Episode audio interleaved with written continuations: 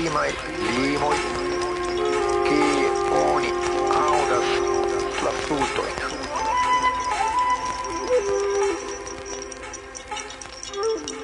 Saluton carai ge auscultantoi. Mi estas Ula, mi estas Kamil. Kai non ni gvidos la elsendon de Varsovia vento. Bla bla. Dobra, Zara. Ble.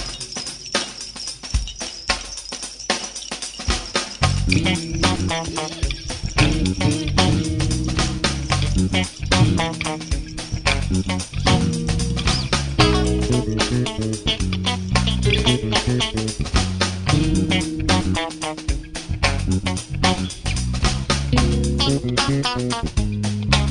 Thank you.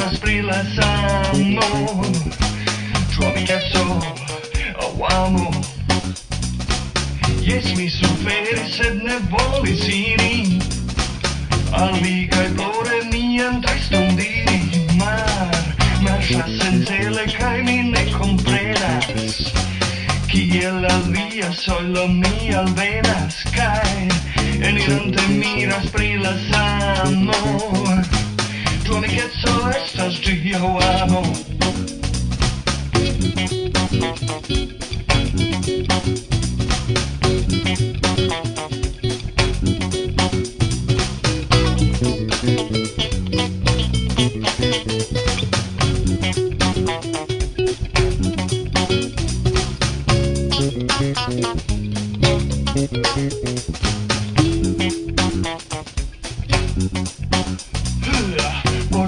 sami vivon mian vendus, por mia teso inferen descendus, vancan nec coro avidas nec mano, mi por vi estus quieto, cae sano, cae ripetidas delan pre la samo, tu amicetso, au oh, amo, Ciam vi estas proxime, mami,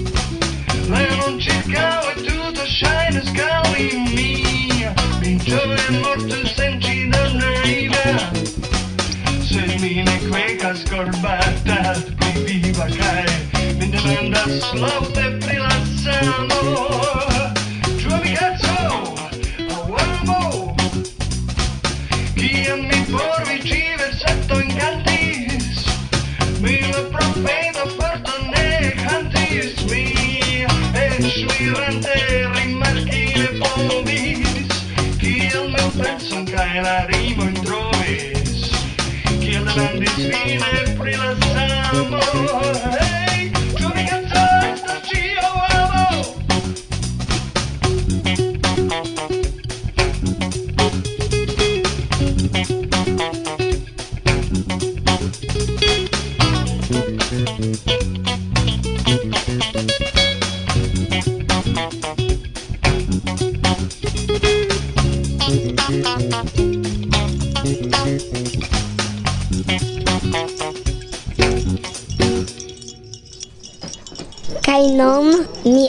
estas en renkontiĝo de esperantistoj.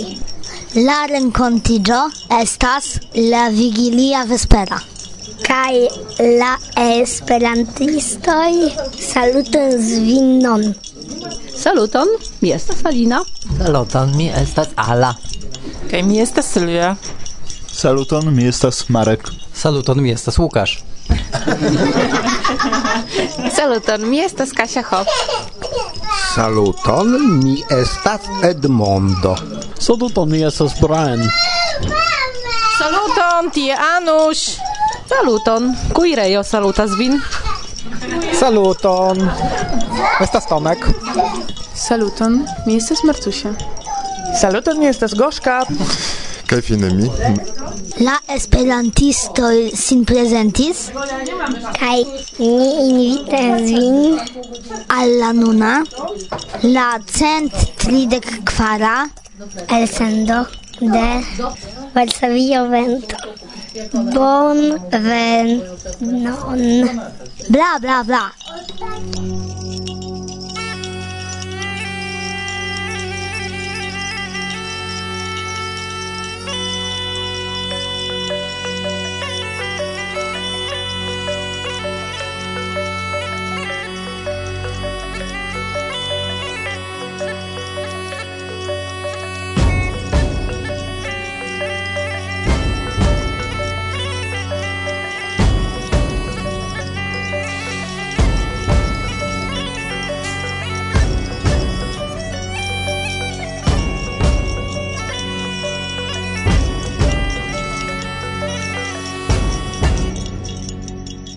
verso via vento. Bla, bla, bla. Saluton, mi estas Agnieszka, kaj nun mi invitas vin al angulo de Istvan Ertl.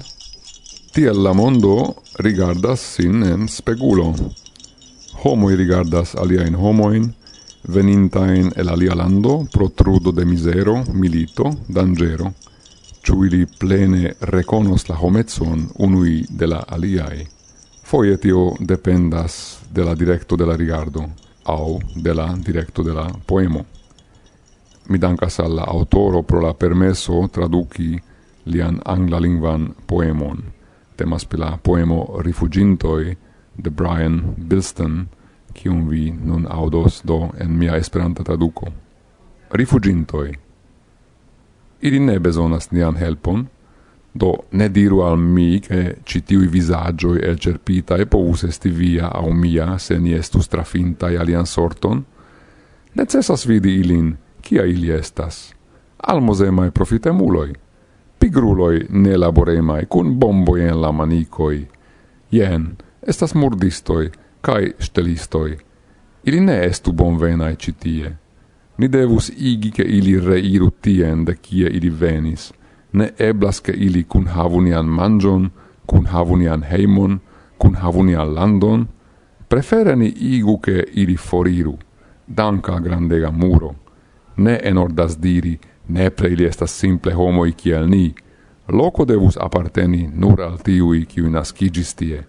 Ne estu stulta pensi che eblas rigardi la mondon alimaniere. Kai nun, ni legu la saman poemon, en inversa ordo. Eblas rigardi la mondon alimaniere. Ne estus stulta pensi che loco devus apparteni nur al tiui kiui nascigis tie. Ili estas simple homoi kiel ni. Ne enordas diri, ne preforiru danca grandega muro. Prefere ni igu che ili cun havu nian landon, cun havu nian heimon, cun havu nian mangion. Ne eblas che ili reiru tien de kie ili venis – Ni devus igi che ili estu bonvenae citie, ili ne estas murdistoi cae stelistoi cum bomboi en la manicoi, jen pigruloi nelaboremai, almosemae profitemuloi, necessas vidi ilin kiai ili estas. Se ni estus trafintai alian sorton, citiui visagioi elcerpitai povus esti via au mia.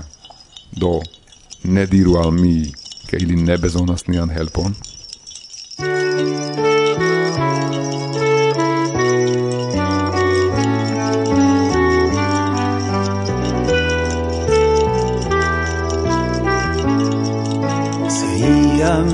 scias kien iri venu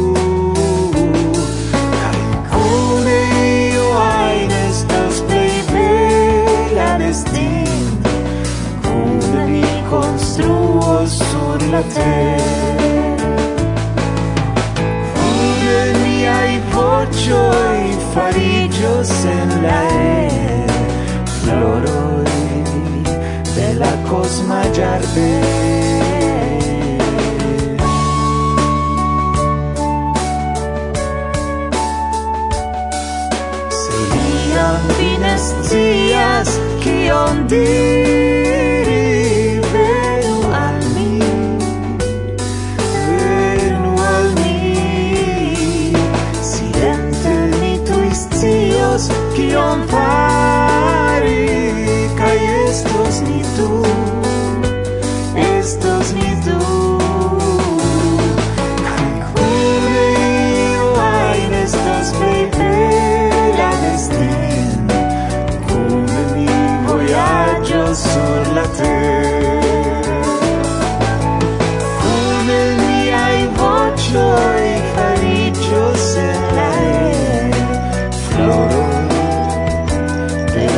smagiarti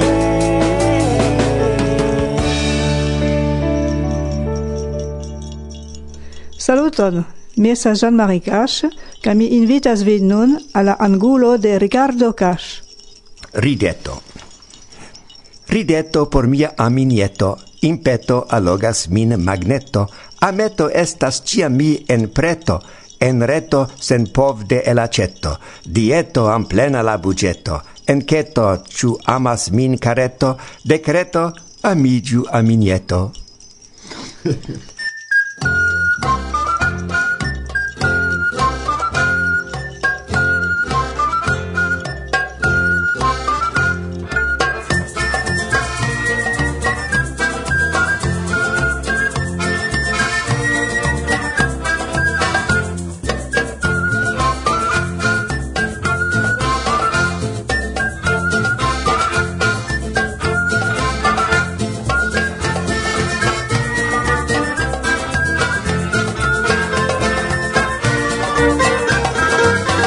varsovia vento.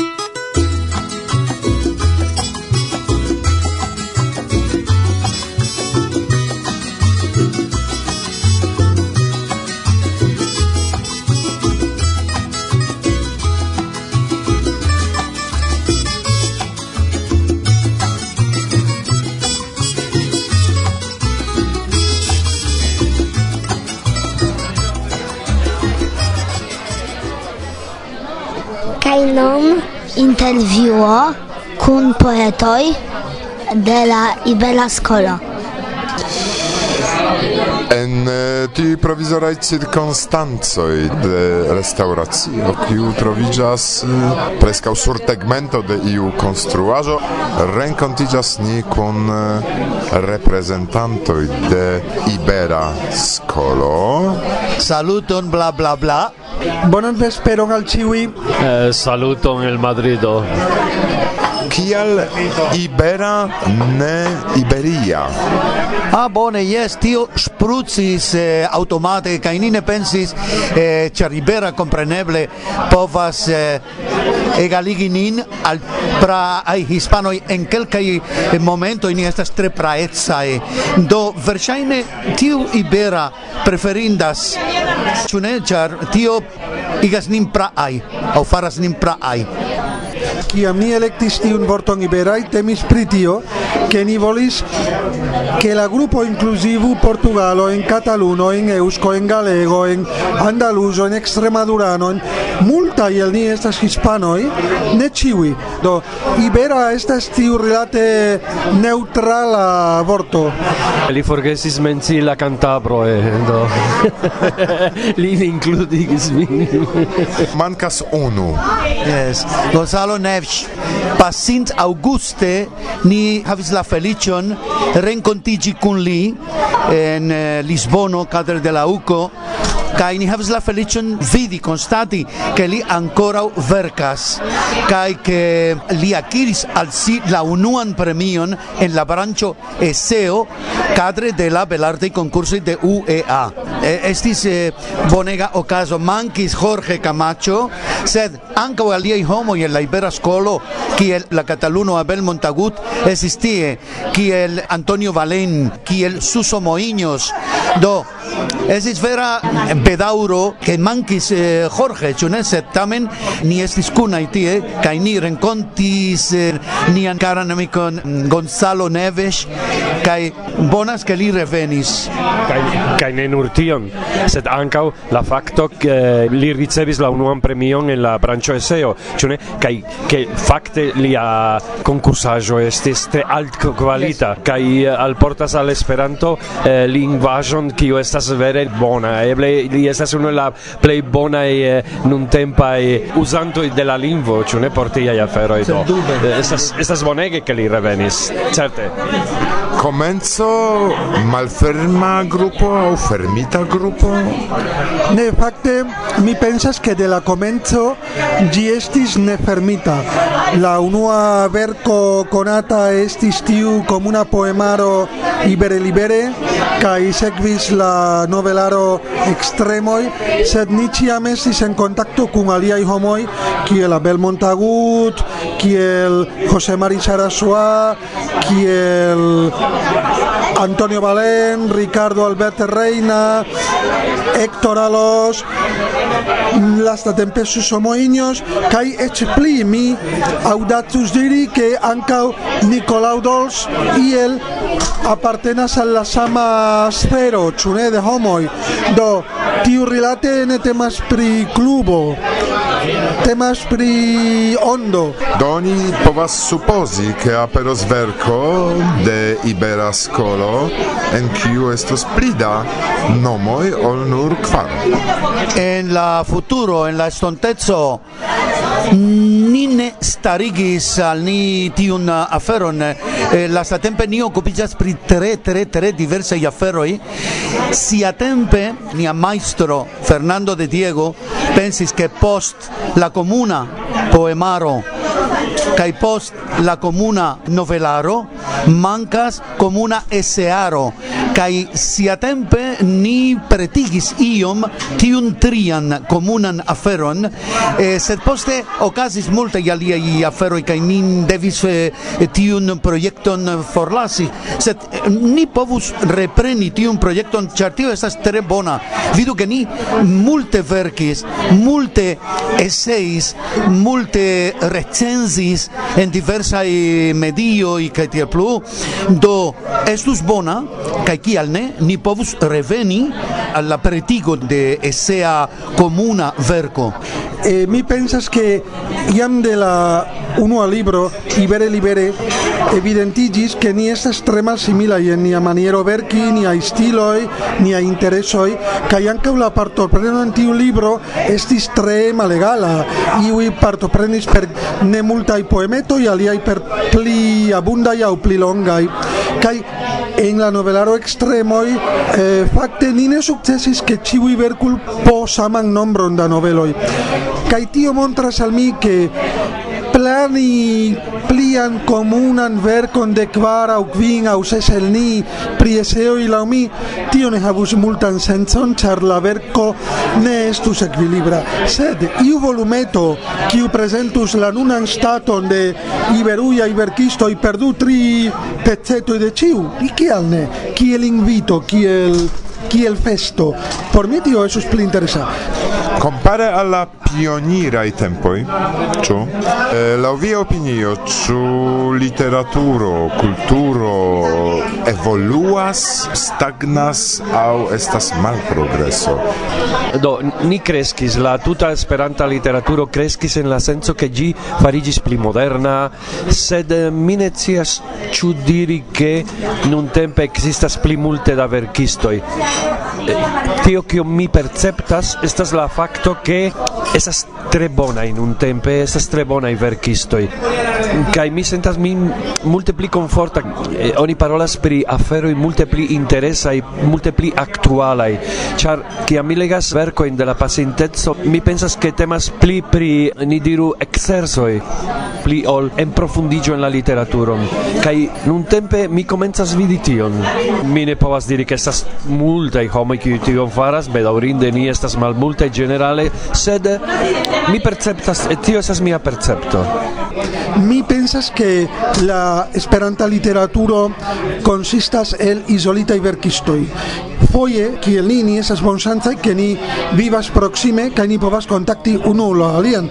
Sed funde ni estas iel izolitaj. Kaj mi pensas ke el tiuj ne multaj verkistoj esperanta in la mondo nuntempe nur kelkaj tre malmultaj verkas ion vere valoran kiun indus traduki al alia aliaj lingvoj. Tiu la Esperanta literaturo laŭ mi mm, foje atingas pintojn de valoro, sed ne ofte. Kaj mi ciam pensis ke antaŭe estis alie en la tempo de Old, Burton, Rossetti Dodge, ne, la Scotta Scolo kaj pli frue Calocaj, sed nun mi pensas che versaine ciam estis tiel. en ciu epoco estis kvar, kvin, ses i verkisto en la mondo kai ne pli ni ne vere havis pli densan pli fortan literaturo en esperanto en la mondo ol ni havas nun. Eble. Bone, cadre de la pacinta e belarta i concurso e evidentigis che sur multa i terreno e existas talenta i homo kai tre talenta i homo kai tiel plu Sed mi treege bedauris que exemple neniu el la tri grafai premioi en poesio estis aliugita aliuain. Cai que mm, tivi iuc comisionanoi en siai informoi argumentis que el tivi ricevitai vercoi au en la plimulto el ili, oni povis legi aferoin au stiloin au mm, manieroin poemi? ne nur el la dudeca iarcento, sed el la decnaua iarcento. Kaj tio esas bedaŭrinda. Mi suferis kiel poesia manto, mi suferis el tio, ke ec ne unu el la premioi, estis aliugitai, kaj do pro tiu causo, pro tio ke oni poemas kiel en la decnaua iarcento. Do kion ni faru? Ni poetoj devas lerni el tio. Kaj kion ni devas fari? Ni devas legi niajn in niajn poetojn, lokajn poetojn, naciajn poetojn, kaj tiel plu, kaj vidi kion ili faras, kia maniere ili aktualiĝas, pri kio ili parolas, ne pri samaj temoj kun samaj eh, rimoj, rimoidoj. Ni estu laŭaj al nia epoko, kaj ni pripoemu nian epokon, kaj niajn entuziasmojn, kaj niajn mankojn, kaj niajn ĉielojn kaj inferojn.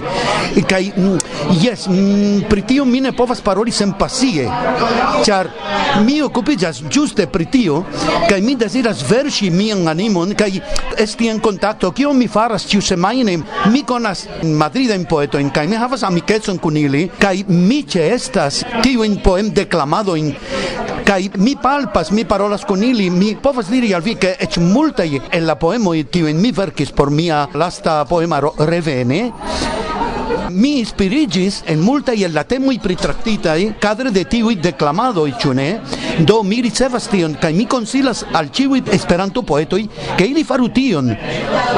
Ĉu mi povas trakti vin ankaŭ kiel esplorantoj de nova tereno, de evoluo de la lingvo?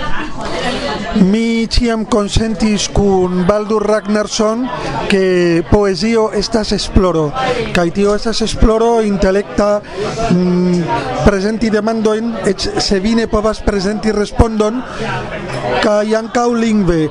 Mi pensas que en multaj el mia iberco mi ege ludas per la lingvo experimente sed ne kiel iri arbitre la ludoi kai la experimento kai esploroi havas ankaŭ sencon. Mi esperas tion. Do tiu relate tio estis por mi plej natura sinteno al verkado. Yes. Eh, fakte se oni devus difini nin ia sence nia comuna afero en estas juste tio ke ni tre ŝatas la lingvon, ni tre ŝatas ludi per ĝi kaj tio estas la comuna fakto de comuna al ni ĉiuj sed eh, vidu ke ni ĉiuj ludas per la lingvo eh, je malsamaj niveloj kaj je malsamaj sferoj kaj fakte tion diris Jorge ni ĉiuj estas malsimilaj tre malsimilaj en la maniero en kiu ni aliras la aferojn en la maniero en kiu ni solvas kai eh, tio estas eh, parto el nia ni diru play bona tresoro tio ke ni povas alporti al movado fakte. Es el dies estas tre diversaj kaj niaj kai nia formo e eh, prosadi nia maniero prosi kai tio plu estas diversa e chune tre diversa se ni havas komunan denominatoron kai ili pravas amiko i pravas eh, e kai estas tio ke por ni la lingvo estas gravega kai ni esploras. Ni esploras valoras kaj eh, ni respektas la lingvon. Ni starigas antaŭ ni la fakton ke la lingvo estas io kiun oni devas flegi. Tio estas prizorgi kun amo kaj ni prizorgas kun amo la lingvon.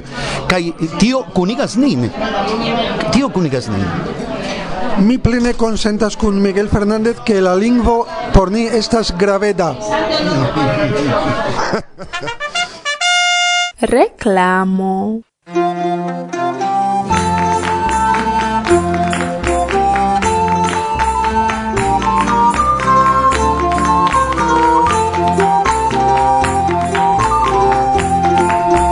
Ĉu vi ŝatas semi Esperanton? Informi homojn pri la lingvo internacia? Se jes, tiam naskiĝas bona okazo aliĝi al agado de aliaj, kiuj de kelkaj jaroj organizas specialan semajnon de la Esperanto-semado. Kie? En la urbo de Jomo. Yes! Inter la deka kaj dudeka de marto en Toulouse, kie oni parolas ankaŭ la occitanan, invitas vin al la komuna agado de la loka esperantistaro, inter kiu ĉe la okazo vi renkontos konatajn personecojn de nia movado. Venu kontribui la printempan semadon de Esperanto. Estu ni kune dum tiuj ĉi tagoj por aktive, plezure kaj distre pasi komunan tempon. Tuluzo invitas kaj pretas malkovri antaŭ vi sian violan ĉarmecon. Ne prevenu agi kune. Ne lasu nin semisolaj.